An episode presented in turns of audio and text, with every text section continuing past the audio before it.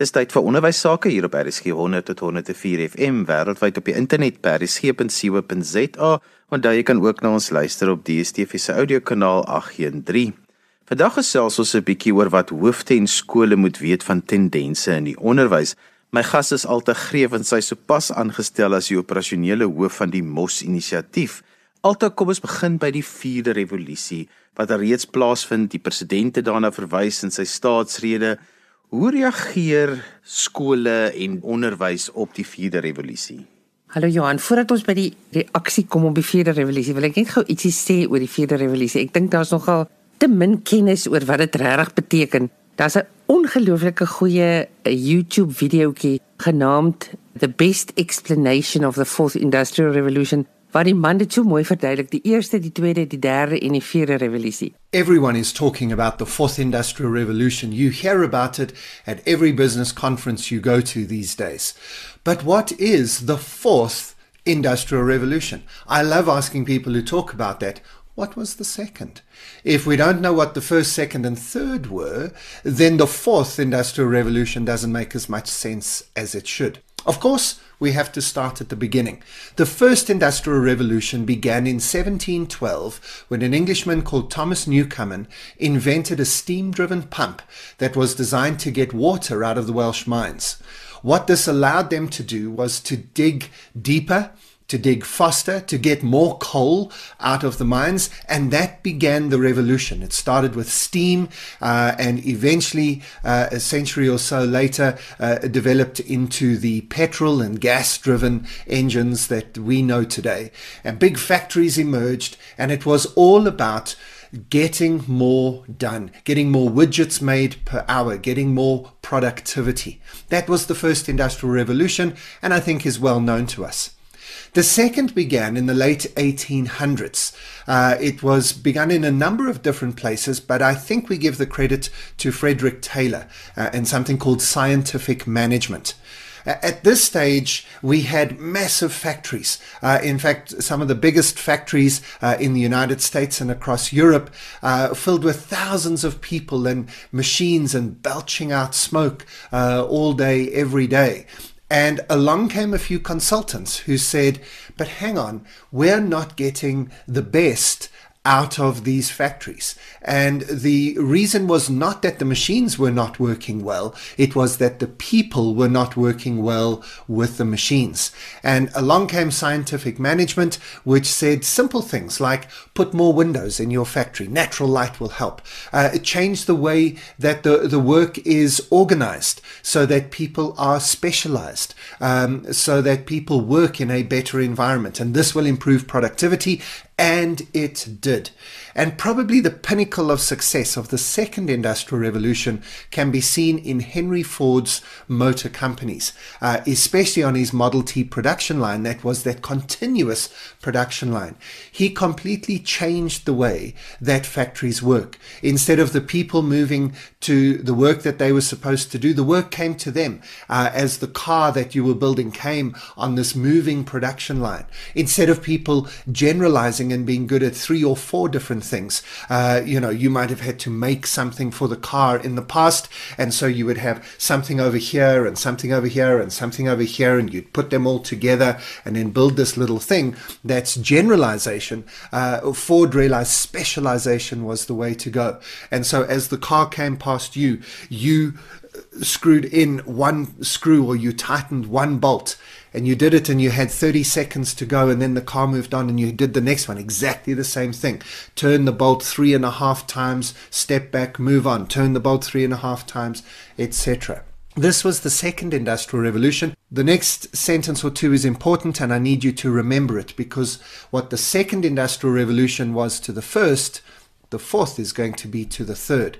The second industrial revolution was not a revolution that brought new technologies, that brought new machines into the workplace. The second industrial revolution realized that the machines that we had invented in the first industrial revolution were not just able to make us do more things cheaper, better, faster they actually allowed us to change the way we do things. They allowed us to change the world of work, to change the way that we lived and worked.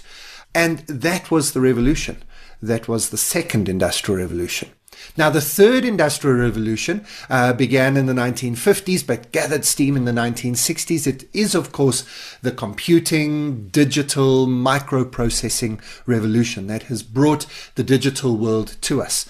Um, it began with the, the big computers and then the mainframes and then the desktops and laptops and now our handheld devices. It gave us the, the internet and it gave us 3, 4G, LTE, 5G now. Um, and it's uh, given us uh, the Internet of Things and a variety of different technologies that create a digital world for us. If that's the third industrial revolution, then what is the fourth? Now, when you ask that question at a conference, many people shout out, it's automation, it's robotics. And in fact, that is not true. Automation and robotics are actually still part of the third industrial revolution because they are just digital technologies. The fourth industrial revolution is what is going to happen and what is beginning to happen as we realize that these new digital tools are not just tools to help us do what we used to do, but do it cheaper, better, faster these tools actually allow us to do new things, to do different things, to do things that we have never done before. Die eerste en die tweede een se verhouding is dieselfde as die derde en die vierde een. In die eerste industriële revolusie gaan oor die ontwikkeling van 'n binnebrand engine. Nou die grootste uitvloeisel daarvan in die wêreld se geskiedenis was die omskakeling van perdekarre na motors met engines. Nou die motors met engines het onder andere 'n ongelooflike veranderde werkplek teweeggebring. En ons is nou weer daar. Die derde revolusie gaan oor tegnologie en die werkplek wat ongelooflik en onomkeerbaar gaan verander in lyn met al hierdie nuwe tegnologiese ontwikkelings. Nou om terug te kom na hierdie verhouding tussen die eerste en die tweede revolusie en die derde en die vierde ene, uh, hulle sê die mense het gevra, "Waarom verkies kliënte 'n motor met 'n engine bo 'n perdekar, dan sê die kliënte maar dis vinniger. Toe sê hulle maar ons sal vinniger perde kweek. Nou, ons moet baie versigtig wees waar ons nou is in in veral skole dat ons nie aan mekaar dink ons gaan vinniger perde teel om ons probleem op te los nie. Die probleem is is baie meer omvangryk as dit. En om vas te klou aan die verlede en net te probeer om al hoe beter tradisioneel skool te hou en al hoe beter uitslae te bekom gaan regtig waar nie ons land se jeug dien en hulle voorberei vir die toekoms nie. Om nou terug te kom na jou vraag toe, die invloed van hierdie vierde industriële revolusie op die skoolomgewing. Dit is regtig ongelooflik belangrik dat skole en onderwysers moet nadink oor hoekom spandeer ons so baie energie en tyd aan die hele konsep van onderwys en opvoeding. Mense se definisie daaroor as jy hulle vra is gewoonlik om kinders te help om hulle volle potensiaal te verwesenlik. Maar daar's 'n baie belangrike stertjie daarbey en dit is dat die 7.5 biljoen mense wat op die aarde se oppervlakte woon en die aarde self is in ernstige nood. Ons het probleme wat oor die volgende paar dekades gaan vereis dat die breinkrag wat ons besig is om op te lei in die onderwysstelsel, daai probleme die hoof moet kan bied dit gee 'n totale ander kleur aan wat is die doel van opvoeding. Dis letterlik om humanity, is 'n mooi Engelse woord, om humanity en die voortbestaan van humanity op die aarde, die planeet Aarde te red. Altema wanneer mens begin dink oor onderwystendense, dan moet 'n mens dit altyd in die konteks van die werkplek doen, maar die werkplek weet ons nie hoe dit gaan lyk nie en die impak van die vierde revolusie op die werkplek en dan weer terug na onderwystendense. Dit raak 'n bietjie van 'n demekaar spul. Geef ons 'n bietjie orde in daardie denke. Dit is 'n baie belangrike ding wat jy sê Johan dat dat ons weet nie hoe die werkplek gaan lyk nie. Met ander woorde, die beste ding wat ons kan doen is om mense voor te berei om regtig waar uh, aanpasbaar te wees, om van koers te kan verander. Verandering is vir mense kinders 'n baie moeilike ding. Mense skop vas teen verandering. Hulle wil vinniger perde teel in plaas daarvan om te gaan met die motors, met die engines. In die huidige skoolstelsel of die tradisionele skoolstelsel is daarop ingestel om kinders te kry om stil te sit, om te luister.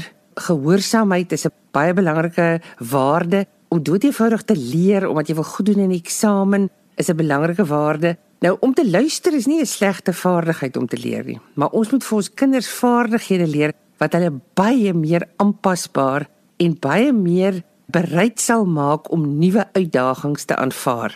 Ek dink probleemoplossing is die grootste vaardigheid, maar ons kan probleemoplossing opbreek in kleiner onderafdelings. Mens los probleme op as jy krities kan dink. Vir probleemoplossing het 'n mens kreatiewe denke nodig. En die kritiese denke en kreatiewe denke is goed wat onderwysers in die huidige skoolstelsel wil hê kinders moet net doen op uitnodiging. Hulle moet mooi soet en gehoorsaam wees en doen presies soos meneer of juffrou sê behalwe as jy die knoppie druk dan moet hulle iewes skielik krities kan dink en kreatief wees. Daar's 'n geweldige teenstrydigheid tussen daai goed. So wat ons moet doen is ons moet die kultuur waar binne ons onderwysbedryf moet ons aanspreek. En ons moet eintlik vir onsself vra, wat is hierdie nuwe doel van opvoeding? Nou die doel van opvoeding is letterlik vir kinders om hedendaagse real life probleme te kan oplos. En ons kan al begin in die grondslagfase van skole om dit te oefen. Nou, daar's 'n groot verskil tussen dit en op die oomblik is 'n skoolstelsel gerig daarop om die Engelse woord daarvoor is om mastery van 'n sekere hoeveelheid kennis wat voorgeskryf word te bewerkstellig. Nou, dit het ons nie sleg gedien tot nou toe nie. Daar's niks verkeerd om 'n om 'n klomp kennis te hê wat jy kan orden en wat jy op ander maniere kan orden en wat jy kan miskien in verband bring met die dinge wat om jou gebeur. Dis alles goed en dit word in die, in die eksamen getoets en ons heg 'n ontsettende waarde daaraan. Ons glo dat kinders baie goeie uitslae in matriek moet kry en dat dit 'n soort van 'n paspoort is. Dit is nog teenstrydig met die data ook. Die data sê vir ons dat ongelooflik baie kinders wat in hulle eerste jaar op universiteit onsuksesvol is, is juis die met die sewe onderskeidings. So ons moet wegkom van daai eksamen wip en ons moet kom by die punt waar ons regtig die tyd binne die klaskamer, die ure wat kinders by die skool deurbring te gebruik om vir hulle hierdie geleentheid te gee om vaardighede te ontwikkel deur van hulle te verwag om probleme op te los. Alta mense dink dat mens onderwys kan, wil ek amper sê red of verbeter of 'n groot impak maak deur net 'n klomp tegnologie na dit toe te gooi. Hoe word onderwys beïnvloed deur tegnologie? Ek wil net so een stapie terug gaan Johan. Onderwys word baie sterk beïnvloed omdat kennis so beïnvloed word en alreeds beïnvloed is en nog word deur kennis. Toe Google in 1998 die wêreld getref het, toe het dit ewe skielik moontlik geword vir mense om om kennis te bekom wat mens voorheen net sou bekom het as jy 'n meestersgraad of 'n PhD gedoen het oor 'n onderwerp. Kennis is oral, dis oral beskikbaar. Die ding wat ek ook wil noem hierso is die rol van onderwysers. Tradisioneel was onderwysers die bron van kennis en hulle het maniere gevind om die kennis wat hulle in hulle koppe gehad het en hulle het gestudeer om dit daar te kry aan kinders oor te dra. Die rol van onderwysers in hierdie hele kennisoordragproses het radikaal verander en ek dink as 'n mens die hoof is van 'n skool op iemand dan's dit die gesprek wat jy moet begin met die onderwysers op jou personeel. As my rol so verander het dat kennis eintlik oral bekombaar is. Hoekom leer ek vir kinders goed wat hulle binne sekondes kan Google? Wat ek eintlik moet doen as 'n onderwyser is ek moet vir die leerders in my klas help om hulle leerproses te bestuur. Dis nog altyd belangrik om kennis te hê oor onderwerpe, maar die kennis moet altyd ondergeskik wees aan die ontwikkeling van vaardighede. Die Af ander Afrikaanse woord is so mooi bevoegdhede. 'n Bevoegdheid is 'n vaardigheid wat 'n mens amper in aksie sit. So die feit dat kennis en die oordrag van kennis so dramaties aan die verander is, beteken dat ons ook binne in ons skole daai proses nommer 1 moet oor nadink en moet aanpas. Ons kan nie oornag die stelsel ons vingers klap en as die stelsel perfek in 'n probleemoplossende fase ensovoorts ensovoorts en dit gaan nog tyd neem voor die eksamens en omalusi na die prentjie toe gekom het en eksamens aangepas word en ons kan begin om hierdie stelsel te vertrou. Daar's waarskynlik nog 'n dekade of 2 daarvoor nodig. Alhoewel ek nou so beïndruk is met die regering nadat uh, president Ramaphosa die vierde industriële revolusie genoem het in die staatsrede, is daar regtig waar tekens dat die onderwysdepartemente ernstig hiervan kennis neem en, en ons ons gaan dalk daai verandering kry baie vroeër as wat ons gedink het en dan as 'n skool en as 'n onderwyserskorps moet ons reg wees daarvoor. Altyd kom ons praat oor die doel van skole. Dit mag nou dalk klink na 'n baie eenvoudige vraag, maar dit is tog tyd dat ons weer 'n bietjie moet gaan dink oor wat is skole en wat is hulle doel. Wie Johan, daar's een ding wat my ongelooflik hartseer maak en dit is as kinders die woorde gebruik hulle haat skool. En mense hoef nie ver te soek om 'n tienerkind uit te vra oor skool om by daai woorde uit te kom nie. Dit is eintlik baie hartseer dat 'n mens die plek waar jy leer en waar jy jouself voorberei vir die lewe haat. En dit moet ons net daai feit moet ons almal laat nadink. Een van die baie belangrike uh, nuwe neigings in die onderwys is dat ons aan leerders 'n stem moet gee. Nou die stem moenie net wees oor hoe die saalbyeenkoms georganiseer moet word of of hulle skoolklere moet aantrek of nie nie. Dis ook belangrik in die hele skoolbestuur, maar ons moet vir kinders 'n stem gee in die sin dat ons vir hulle 'n keuse gee in wat dit is wat hulle in diepte bestudeer.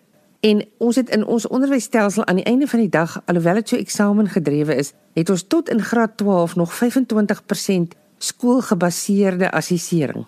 As ons net op die kort termyn gaan beheer neem oor daai skoolgebaseerde assessering en sê dit is wat ons graag wil hê die kinders moet leer terwyl hulle 5 jaar of 7 jaar of 12 jaar in hierdie spesifieke skool deurbring kan ons daai ruimte gebruik om vir hulle regtig waar die geleentheid te, te bied om hulle vaardighede of hulle bevoegdhede te ontwikkel. Daar's 'n baie groot projek wat van 2008 tot 2012 by die Universiteit van Melbourne gehardloop het. Is daar 'n ses van hierdie vaardighede of bevoegdhede geïdentifiseer. Ek gaan hulle so lossies vertaal: kommunikasie, kritiese denke, kreatiwiteit, samewerking, die Engelse collaboration, citizenship of burgerskap en karakterbou.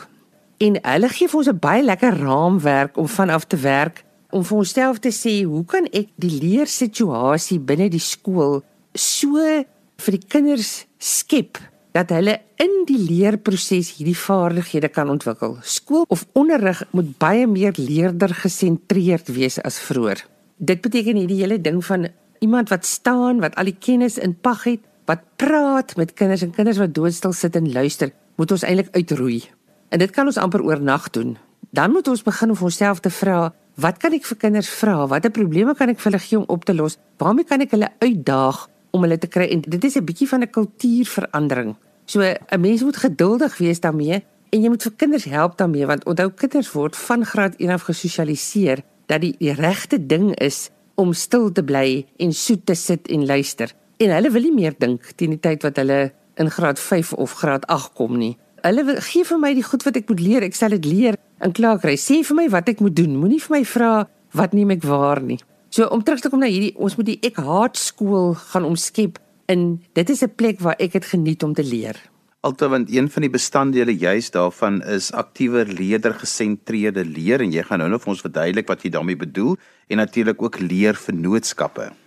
'n Leerdergesentreerde leer beteken dat 'n mens begin waar die leerders is. Nou, daar's een ding wat met ons eksamengedrewe stelsel baie goed ingeburger geraak het en dit is hierdie soort van hoe standaardiseer ons kinders se uitkomste. Dit is wat ons graad 12 eksamen doen elke jaar. Dit gee dieselfde eksamen vir kinders oor die hele land. Maak nie saak waar hulle skool gegaan het nie, hulle word almal gemeet aan hulle reaksie op hierdie vrae van kennis wat iemand anders besluit het hulle moet weet. Nou as jy hierdie gestandaardiseerde manier van kyk na die werklikheid vat en jy sit aan die ander kant daarvan, kom ons gaan kyk waar is die leerders op die oomblik en hoe kan ek hulle kry om te vorder van waar hulle is tot op 'n beter plek.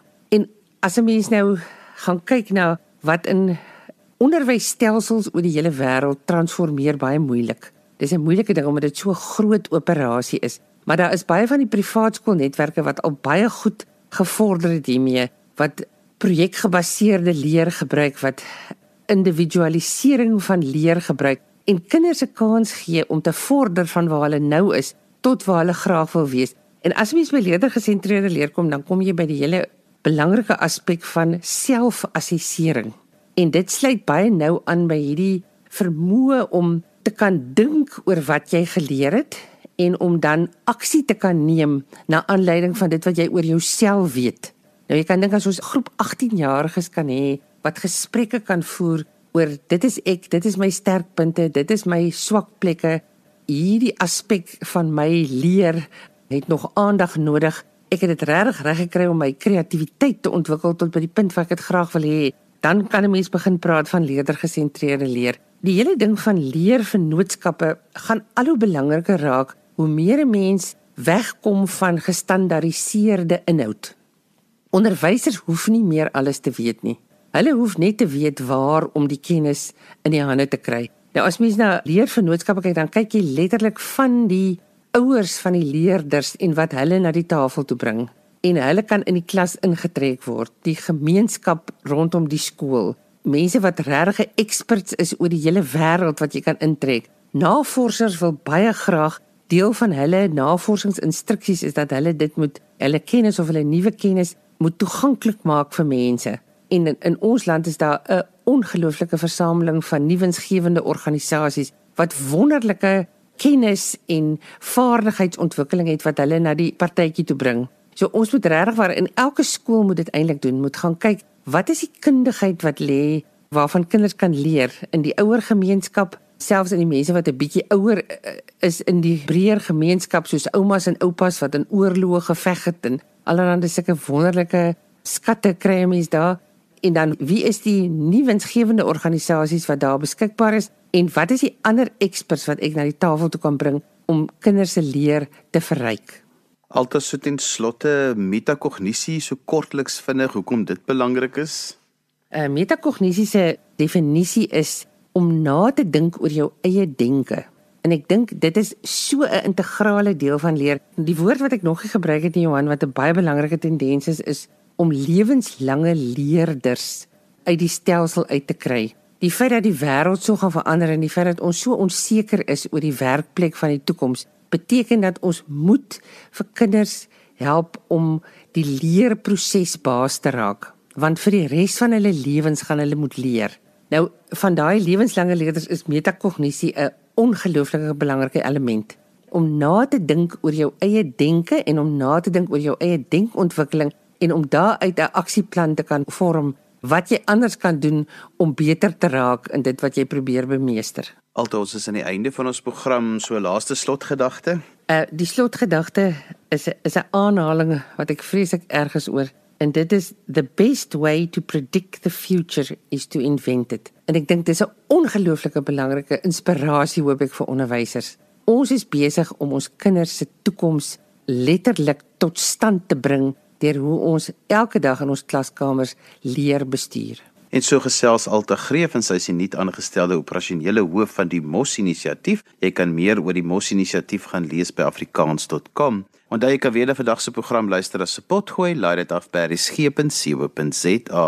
daarmee groet ek dan vir vandag. Tot volgende week van my Johan van Lille. Totsiens.